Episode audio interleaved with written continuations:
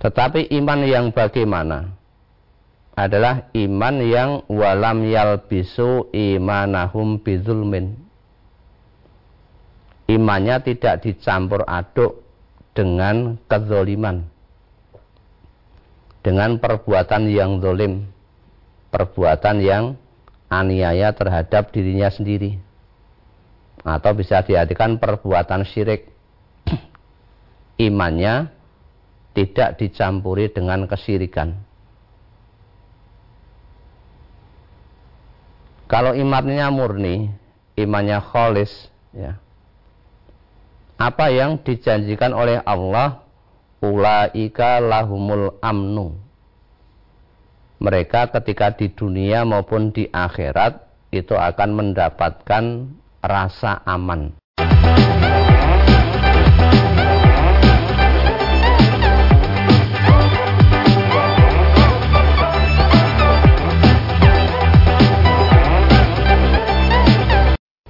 Bismillahirrahmanirrahim. Assalamualaikum warahmatullahi wabarakatuh. Saudara pemirsa channel terpilih MTA TV di mana pun anda berada Puji syukur Alhamdulillah senantiasa kita panjatkan kehadirat ilahi Rabbi Allah subhanahu wa ta'ala Atas kenapa karunia nikmat dan juga rahmatnya untuk kita semua Di perjumpaan awal aktivitas pagi hari ini. Kita jumpa kembali di program unggulan Fajar Hidayah Dan Alhamdulillah sudah hadir Ustadz Muhammad Ghazali SPDI yang nanti akan melanjutkan pelajaran sekaligus memberikan pencerahan untuk kita semua di kesempatan kali ini. Assalamualaikum warahmatullahi wabarakatuh Ustaz. Waalaikumsalam warahmatullahi wabarakatuh. Kabar baik dan sehat. Alhamdulillah baik Mas Alhamdulillah baik. Dan pemirsa nanti bisa bergabung bersama kami di line telepon 02716793000 SMS dan juga di WA kami di 08 11 255 3000. Kita simak pelajaran kita pagi ini. Bismillahirrahmanirrahim. Assalamualaikum warahmatullahi wabarakatuh. Alhamdulillah, alhamdulillahirabbil alamin. Allazi arsala rasulahu bil huda wa dinil haq liyuzhirahu 'ala dini kulli walau karihal kafirun. Asyhadu an la ilaha wahdahu la syarikalah wa asyhadu anna Muhammadan abduhu wa rasuluh. Allahumma salli wa sallim Muhammad wa ala alihi wa sahbihi ajma'in. Qala Allah Ta'ala fi kitabihil karim A'udhu billahi minasyaitonir rajim Ya ayyuhalladzina amanu taqullaha haqqa tuqatih wa la tamutunna illa wa antum muslimun. Wa qala Rasulullah sallallahu alaihi wasallam Ittaqillaha haitsu ma kunta wa atbi'is sayyi'atal hasanata tamhuha wa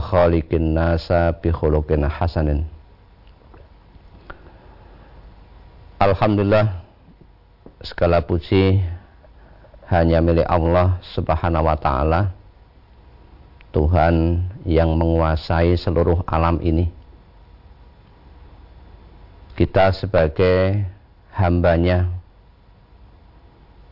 harus taat dan tunduk patuh terhadap aturan-aturan yang diberikan oleh Allah. Tunduk patuh berarti kita menjadi orang Islam. Pasrah terhadap apa yang menjadi keputusannya. Karena keputusan Allah itulah keputusan yang terbaik. Apakah itu berupa kebaikan maupun berupa keburukan? Karena manusia dalam hidup ini pasti mengalami ujian, mengalami cobaan. Wa nabluukum bil khairi wasyarri bisyarri wal khairi fitnah pasti kami Allah akan mengujimu dengan keburukan dan kebaikan. Setiap yang datang dari Allah itu sesuatu yang baik. Tetapi sesuatu yang buruk itu datangnya dari manusia. Ini pola pikir yang harus kita bangun agar dalam hidup ini kita tidak menyalahkan kepada pencipta, menyalahkan Allah. Para pemirsa Hemda TV dan juga para pendengar radio Persada FM dan juga radio yang dalam jaringan. Allah Subhanahu wa taala berfirman di surat Al-An'am ayat 82 Alladzina amanu wa lam yalbisu imanahum bidzulmin ulaika lahumul amnu wa hum muhtadun. Orang-orang yang beriman. Jadi iman ini memegang peranan yang sangat penting dalam kehidupan ini.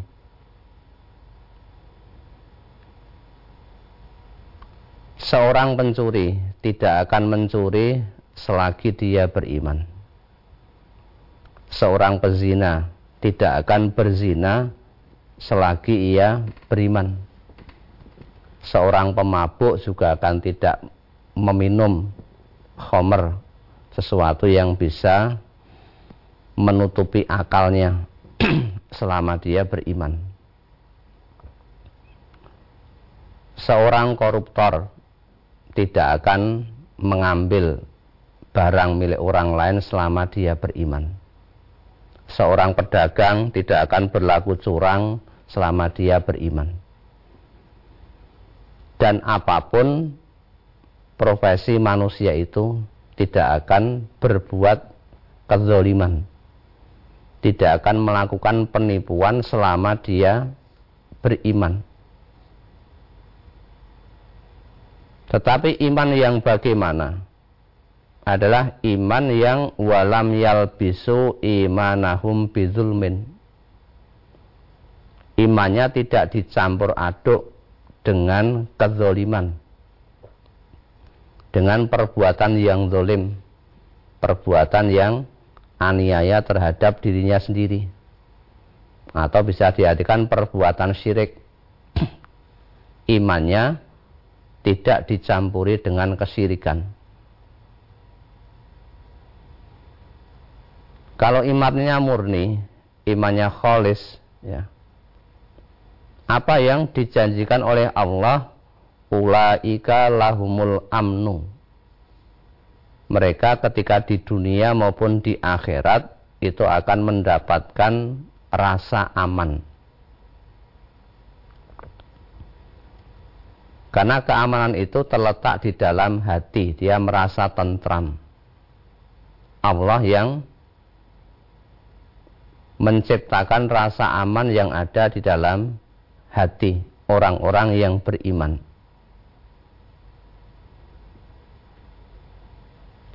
Di samping itu, wahum muhtadun. Mereka juga termasuk orang-orang yang mendapatkan hidayah mendapatkan petunjuk dari Allah Subhanahu wa taala. Setiap hari kita juga selalu berdoa kepada Allah tetapi kadang-kadang tidak menyadari. Sehari semalam kita mengucapkan ayat ihdinas siratal mustaqim ya. Minta ditunjukkan jalan yang lurus itu tiap hari. Tidak kurang dari 17 kali. Karena setiap Fatihah itu mesti kita baca ayat itu. Tentunya ada beberapa hal yang bisa kita jadikan sebagai media agar iman kita itu tetap stabil iman kita tetap murni. Karena ciri-cirinya orang-orang yang beriman, ya. itu apa? Sebagaimana yang difirmankan oleh Allah di surat Al-Anfal ayat 2 sampai ayat 4 itu innamal mu'minuna alladzina iza zukirallah wajilat qulubuhum wa iza tuliyat alaihim ayatuhu zadathum imanan wa ala rabbihim yatawakkalun. Orang mukmin itu ciri-cirinya adalah orang yang iza zukirallah apabila disebut dipanggil nama Allah. Wajilat kulubuhum ada kontak ada respon di dalam hatinya hatinya menjadi bergetar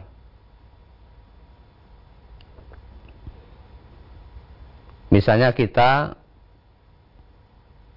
mencintai seseorang apakah ibu kita bapak kita keluarga kita istri kita lah orang yang kita cintai itu namanya dipanggil, itu mesti ada kontak. Ya. Kontak untuk ingat. Ya. Itu apabila dipanggil nama Allah, karena Allah itu Rob kita. Allah Tuhan yang menciptakan kita, Tuhan yang memelihara kita, Tuhan yang memberikan nikmat kepada kita. Jadi ada kotak batin. Misalnya ibu kita, bapak kita yang membesarkan kita selama bertahun-tahun pasti akan ada kontak. Kemudian wa idza tuliyat alaihim ayatuhu zadathum imana. Apabila dibacakan kepada mereka ayat-ayat Allah itu bertambah iman mereka. Sikapnya bagaimana ketika dibacakan ayat-ayat yang bisa menambah keimanannya tadi. Tentunya wa idza quri'al Qur'an fastami'u lahu wa ansitu la'allakum turhamun. Apabila dibacakan Al-Qur'an, sikapnya adalah fastami'ulah supaya mendengarkan dengan seksama mendengarkan dengan baik tanpa dicampuri dengan aktivitas yang lain. Fokus.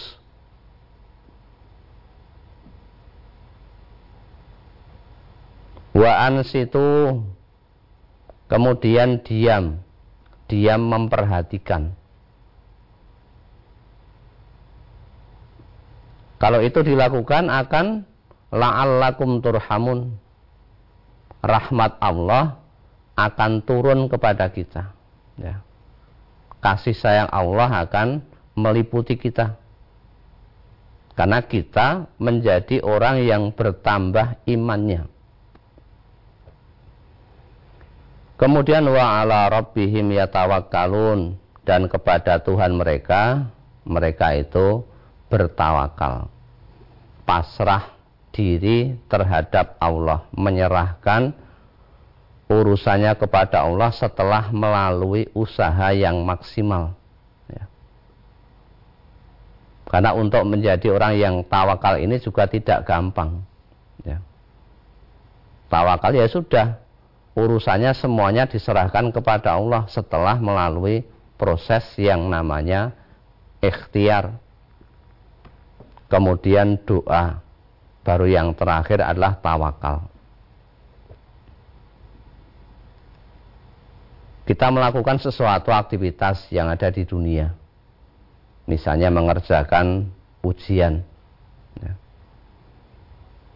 Ada satu bentuk ikhtiar, bagaimana ujian itu bisa lulus, yaitu dengan cara kita mempersiapkan dengan belajar yang sungguh-sungguh, belajar yang maksimal. Itu sebagai bentuk ikhtiarnya. Kemudian setelah itu diiringi dengan doa. Mudah-mudahan dengan ujian ini Allah menunjukkan atau memilihkan yang terbaik. Ya. Berdoa. Karena doa itu juga memiliki kekuatan yang dahsyat. Apa pun usaha kita kalau Allah tidak menghendaki ya tidak mungkin akan terwujud. Kemudian baru tawakal. Hasilnya apa pun itulah yang terbaik. Bisa jadi lulus, bisa jadi tidak lulus. Lulus ya tidak terlalu gembira. Kalau gagal atau belum diberikan kesempatan, ujiannya tidak berhasil, ya tidak terlalu sedih. Tidak frustasi, tidak putus asa. Itu namanya tawakal. Lah orang yang beriman harus melakukan atau ada sifat seperti itu. Di samping itu ciri orang-orang yang beriman adalah alladzina yuqimunas shalah orang-orang yang selalu mendirikan sholat. Kenapa saya katakan selalu? Karena di situ memakai fiil muzore. Ya. Sekarang dan yang akan datang artinya perbuatan itu dilakukan secara terus menerus. Bukan kalau saat senang sholat, kemudian saat susah, nah, sholatnya berhenti. Banyak orang yang tanya di pengajian itu orang itu sholatnya bolong-bolong. Kan seringnya seperti itu. Berarti sholatnya tidak ada imun. Soalnya tidak istimrol, tidak terus menerus. Nah orang yang beriman ini pasti sholatnya ini dilakukan secara kontinu. Tidak hanya sekedar melaksanakan, tapi betul-betul mendirikan, tahu apa maksud, arti, dan hakikat daripada sholat itu sendiri. Ya. Jadi suatu media yang di situ sebagai sarana untuk mendekatkan diri kepada Allah, mencurahkan segala perasaan kepada Allah. Ya. Ini adalah sholat. Kalau kita ngerti dan bisa melaksanakan sholat dengan baik, itu hasilnya sangat luar biasa. Hasilnya bisa menjadikan hatinya tenang. Bisa menghindarkan diri dari perbuatan keji dan mungkar. Karena ngerti apa makna daripada sholat. Di samping itu ciri yang lain, ya, ciri yang keempat, ya, yang pertama tadi uh, lima mungkin, wajilat kulubuhum. Jadi dipanggil nama Allah ini bergetar kemudian dibacakan ayat-ayatnya. Ini mereka tambah iman dua yuqimuna sholah tiga kemudian yang keempat wa mimma razaqnahum yungfikun mereka itu orang-orang yang apabila mendapatkan rezeki mendapatkan nikmat dari Allah itu yunfikun. Mereka menginfakkan, menafkahkan, mengeluarkan sebagai rasa syukur bahwa rezeki yang didapat ini adalah datangnya dari Allah. Karena apa yang diinfakkan itu hakikatnya akan kembali kepada dirinya sendiri.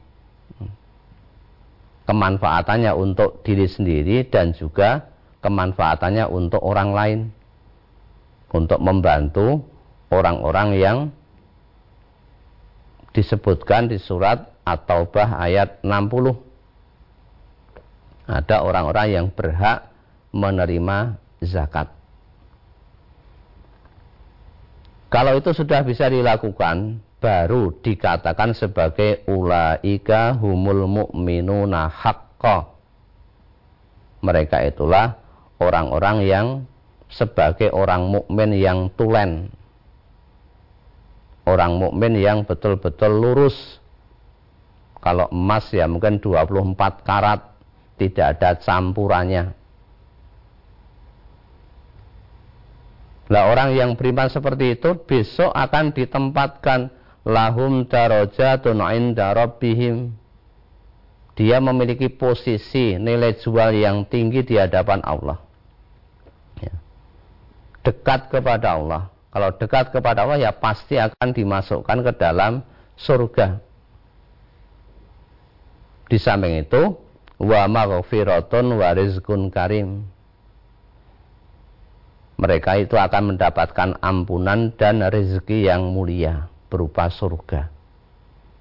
Inilah sesuatu yang kita harapkan dalam kehidupan dunia ini. Menjadi orang-orang yang beruntung, menjadi orang-orang yang menang, menang menghadapi kehidupan. Yang kehidupan dunia ini banyak sesuatu yang menjadikan kita terperdaya, menjadikan kita tertipu. Maka sebagai benteng pertahanan yang paling kokoh adalah iman iman bisa kita upayakan ya dengan cara apa yang disampaikan tadi di surat Al-Anfal ayat 2 sampai 4 kita akan mendapatkan keamanan dari Allah. Mendapatkan kemuliaan mendapatkan derajat yang tertinggi di hadapan Allah Subhanahu wa taala. Ya mudah-mudahan yang sedikit ini bisa menjadikan kita termotivasi bagaimana kita mendapatkan derajat ampunan yang tinggi di hadapan Allah Subhanahu wa taala. Ya. Baik pemirsa, kami harapkan Anda bisa bergabung bersama kami di line telepon 02716793000, SMS dan juga di WA kami di 08112553000. Namun sebelumnya kita akan simak beberapa informasi dalam rangkaian jeda pariwara berikut ini. Baik saudara pemirsa channel terpilih MTA TV di mana pun Anda berada Terima kasih Anda masih setia bersama kami Khususnya di program unggulan Fajar Hidayah pagi ini.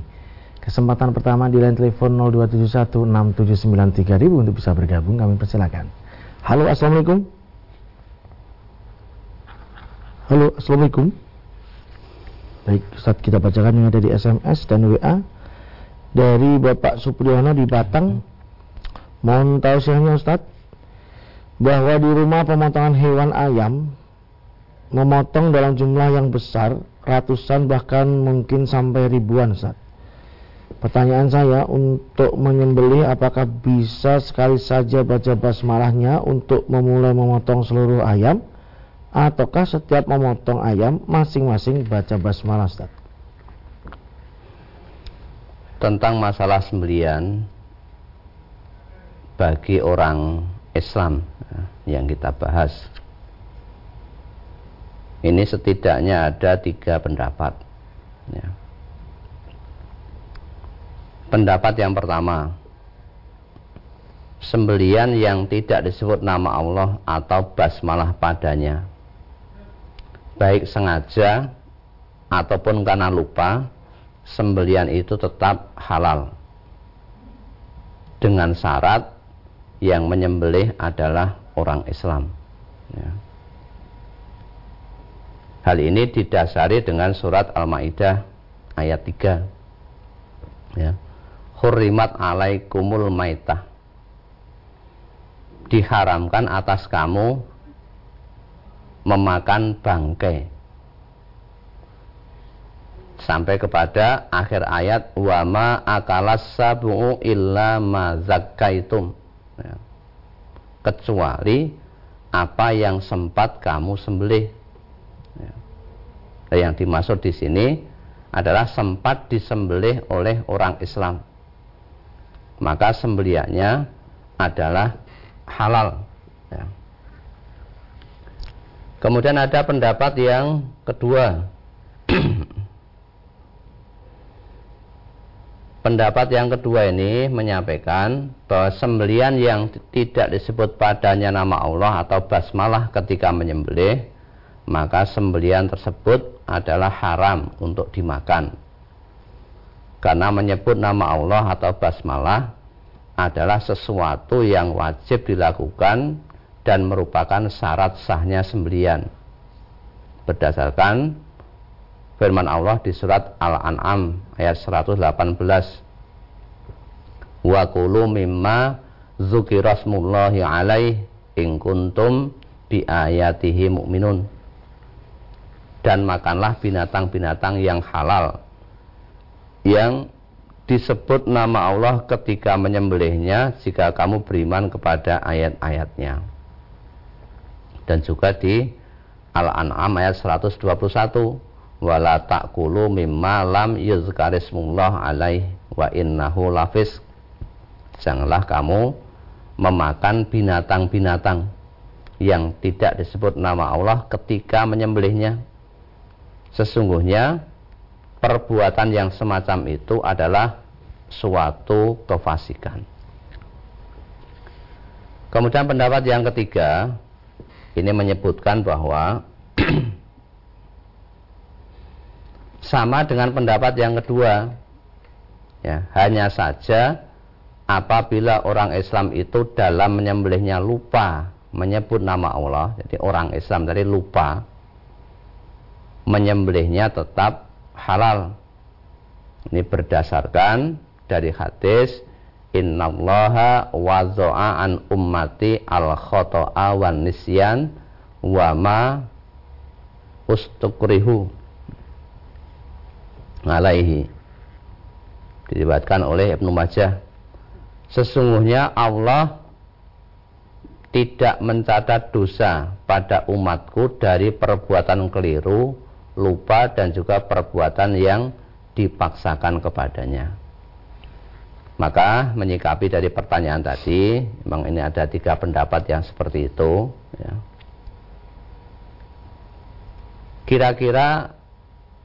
Menyebut basmalah itu berapa detik. Ya. Berapa detik. Bismillahirrahmanirrahim. Kita sembelih. Ya. tidak masalah. Ya. kita tiap-tiap apa namanya menyembelih membaca basmalah. Ya. Insya Allah tidak menyita waktu yang begitu banyak. Tetapi kalau berdasarkan pendapat pertama tadi memang itu hukumnya jatuhnya sunnah. Tetapi khusus bagi orang Islam. Karena orang Islam itu sudah sangat dekat kepada Allah ya. maka tinggal memakai pendapat yang mana. Ini kadang-kadang ada beberapa perbedaan di situ ya. Ya, ya. baik kita beralih di line telepon. Halo assalamualaikum Halo, Assalamualaikum.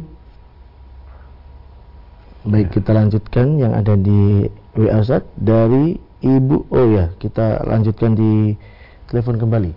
Silakan. Halo, Assalamualaikum.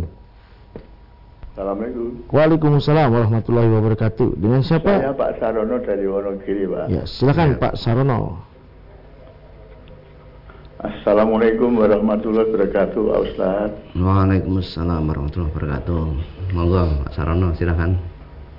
Saya mau bertanya, Pak. Kalau saya kan tidur, itu nyetel tip bacaan Al-Quran. Ya. Lah setelah saya tidur, tip itu masih bunyi terus sebetulnya. Tidak kami matikan karena saya tidur apakah saya dosa Pak? Karena tidur tidak ada bacaan Al-Quran tak ditinggal tidur. Apa itu dosa Pak? Ya. Terima ya. kasih. Assalamualaikum warahmatullahi wabarakatuh. Waalaikumsalam warahmatullahi wabarakatuh. Sekarang kita lihat suratnya tadi Al-A'raf ya. Wa iza kuri al-Qur'an apabila dibacakan Al-Quran. Jadi ada satu bentuk kesengajaan. Yang dimaksud di situ adalah ketika orang sedang berada di dalam halakoh, di dalam kelompok. Kalau sekarang ya mungkin dikatakan majelis taklim.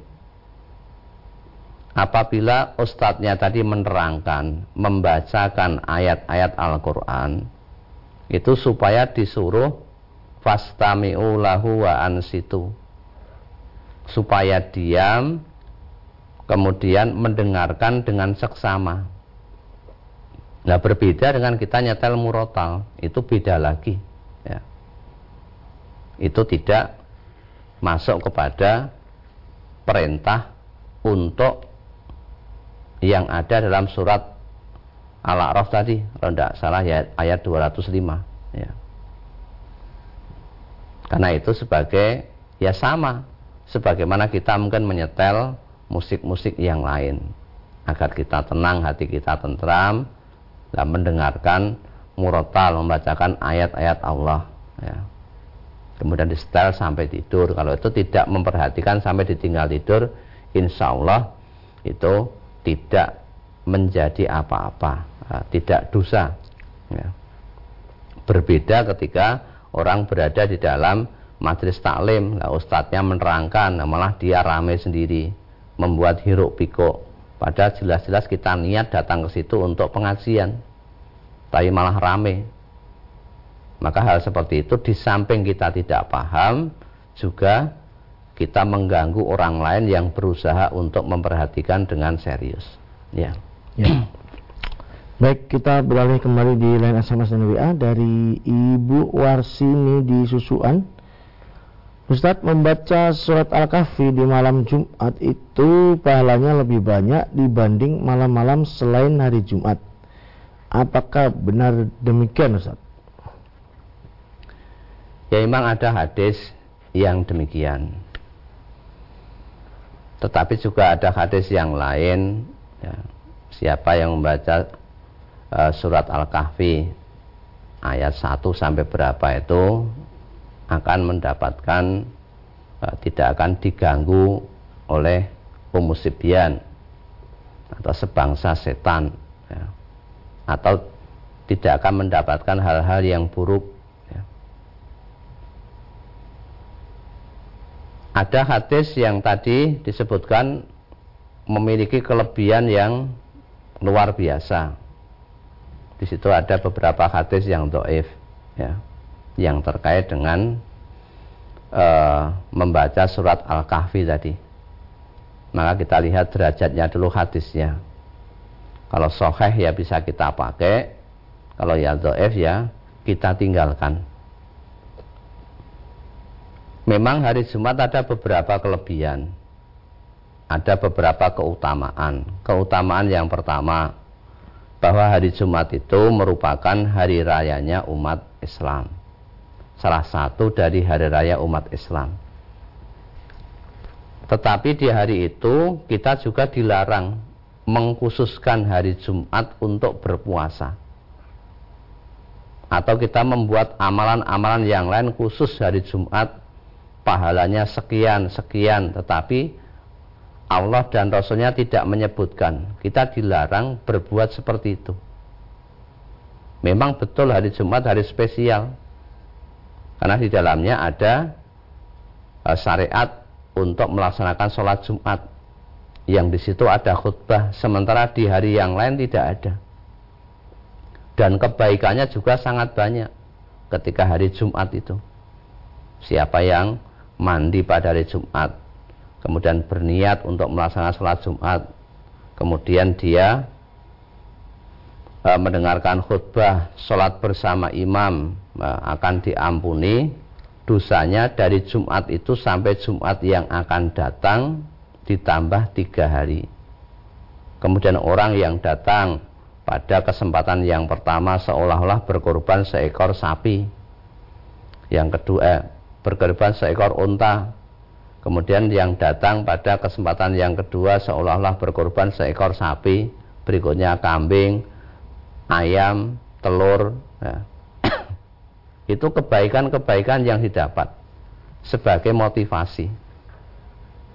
Tetapi kalau ada hadis-hadis yang menyebutkan tentang kelebihan-kelebihan tapi hadisnya itu derajatnya doif ya kita jangan memakai e, hadis-hadis yang seperti itu hadis yang sokeh-sokeh saja yang sudah pernah dijelaskan diterangkan dalam kajian-kajian itu ya. ya kita lanjutkan dari dengan telepon kembali halo assalamualaikum halo assalamualaikum Waalaikumsalam warahmatullahi wabarakatuh. Dengan siapa di mana ibu?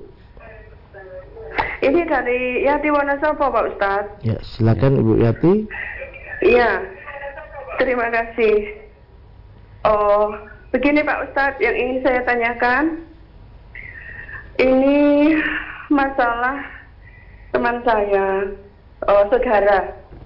Saudara saya begini Pak Ustadz, sudah mendengarkan kajian itu Quran Sunnah sudah bertahun-tahun setiap ada kajian di Wajar Hidayah juga di apa pun dia mendengarkan.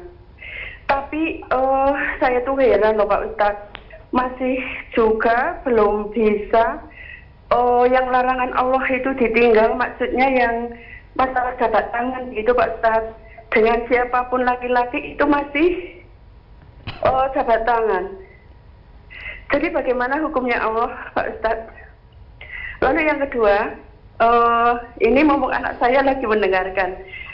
Jadi kalau Jumat bagi wanita sholat di rumah, apakah dianjurkan untuk mandi dulu gitu Pak Ustaz. Terima kasih tausiahnya. Wassalamualaikum warahmatullahi wabarakatuh. Waalaikumsalam warahmatullahi wabarakatuh.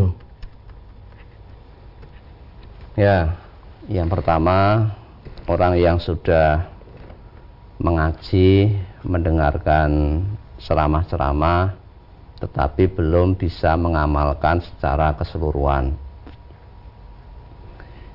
Ya bisa jadi orang tersebut ya belum mendapatkan hidayah dari Allah. Jadi kita kedepankan sifat husnudon berprasangka baik. Karena kita dulu mungkin sebelum mendapatkan hidayah juga melakukan perbuatan yang sama. Itu menjadi tugas kita untuk diajak untuk didakwai karena di samping itu ada beberapa ulama yang menyebutkan bahwa yang seperti itu tidak apa-apa. Itu ada yang menyebutkan seperti itu. Ada penceramah yang seperti itu. Sehingga dia mungkin dalam bab ini mengikut uh, Ustadz A, dalam bab ini mengikut Ustadz B. Ya, kadang-kadang ada yang demikian.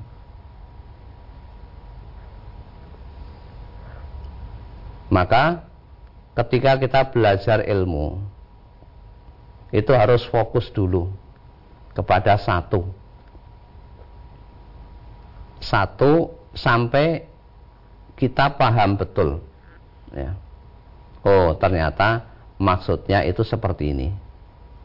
Maksudnya seperti ini. Ya. Itu harus fokus dulu. Sebab kalau nanti kita mengikuti berbagai macam pendapat. Apalagi kita melihat di YouTube itu. Ada Ustadz A tentang satu bab tema ya. Ini berkata demikian. Yang B berkata demikian. Yang C berkata demikian. Sehingga bingung. Ini sebetulnya yang benar yang mana toh? Kok masing-masing beda? Maka harus satu dulu fokus ya fokus untuk belajar di satu tempat sehingga sampai paham betul oh maksudnya begini begitu sehingga nanti bisa menyaring sebetulnya mana ya yang sesuai dengan apa yang dicontohkan oleh Nabi kita Nabi Muhammad SAW ya.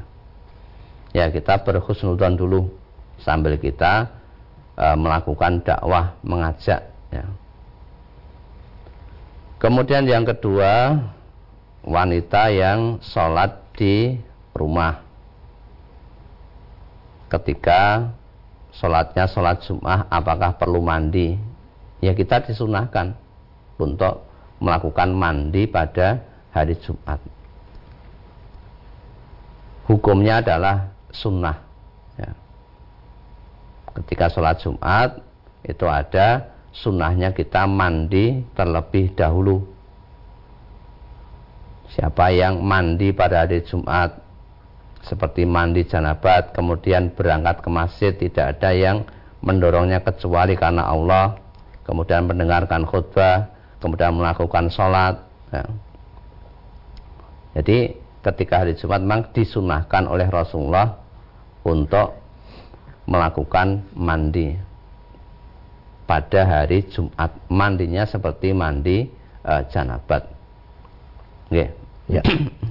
Masih ada kesempatan kita lanjutkan di SMS Ustaz dan WA dari Bapak Cahyono di Klaten. Ustaz, ibu saya sudah lansia. Bacaan sholatnya sering lupa, termasuk Al-Fatihahnya, dan sulit menghafal lagi. Bagaimana caranya supaya tetap bisa sholat Ustaz? Yang namanya orang yang sudah sepuh, orang yang sudah tua, itu memasuki ardalil umur. Kadang-kadang ada yang pikun. Ya. Hal yang seperti itu sudah wajar. Dan Allah maha mengetahui terhadap kondisi hambanya tinggal ya kita sendiri iza amartukum bisyai'in fa'tu minhu mastata'tum jika kamu diperintahkan untuk melakukan sesuatu kerjakan dengan maksimal. Ya, ya kadang mungkin lupa bacaannya lupa berapa rakaat. Itu sudah hal yang lumrah. Ya mudah-mudahan Allah ya mengampuni. Tadi kita sampaikan itu diangkat pena ya. Karena apalagi karena lupa ya. Innallaha wazo'a an ummati al khoto'a wan nisyana wa mastukrihu alaihi Sesungguhnya Allah tidak mencatat dosa bagi umatku dari perbuatan keliru dan lupa. Lupa karena memang karena pikun. Dan juga perbuatan yang dipaksakan kepadanya. Sebetulnya dia tidak mau, tapi dipaksa betul dalam kondisi darurat. Ya. Itu juga tidak dicatat sebagai sesuatu yang tergolong kepada perbuatan dosa. Ya. Walaupun melanggar terpaksa memakannya makanan yang halal haram itu juga kita tidak dosa asalkan tidak berlebih-lebihan ya. ini berupa makanan ataupun berupa perbuatan maka tadi sehubungan dengan ibunya tadi yang sudah sepuh kemudian kadang lupa kadang ingat ya sudah memang kemampuannya seperti itu. Insya Allah Allah mengampuni dari kekurangan maupun kekeliruan tadi. Ya. ya. Baik Ustaz, sekiranya sudah di penghujung perjumpaan pada kesempatan kali ini, ada yang bisa disampaikan sebagai nasihat silakan Ustaz.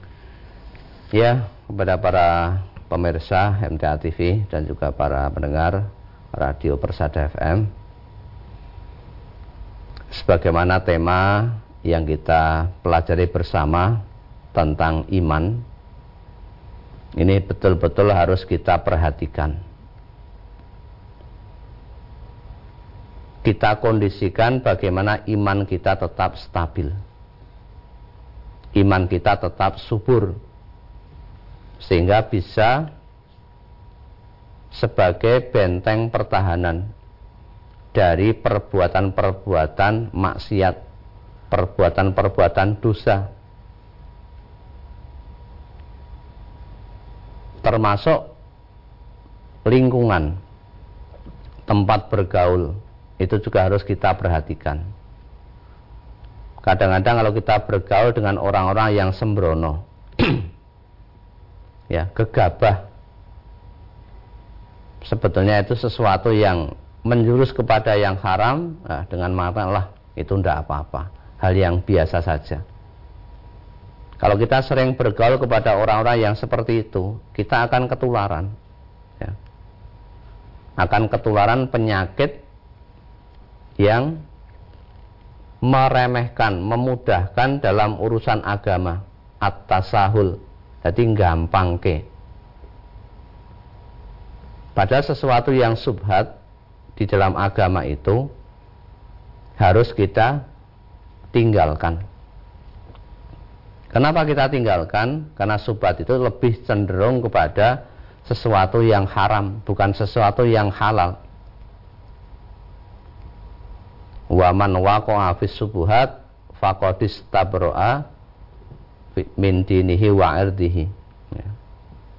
Barang siapa yang jatuh kepada yang subhat atau dia meninggalkan yang subhat tadi berarti dia bisa menjaga diri ya, dari agamanya maka jangan sampai pergaulan kita. Ini mendekatkan kepada perbuatan-perbuatan dosa. Maka cari lingkungan cari teman yang baik sehingga iman kita tetap terjaga. Iman kita tetap terpelihara karena ada orang-orang yang ketika kita akan berbuat yang tidak baik itu ada yang menegur ada yang mengingatkan. Sehingga iman kita tetap stabil.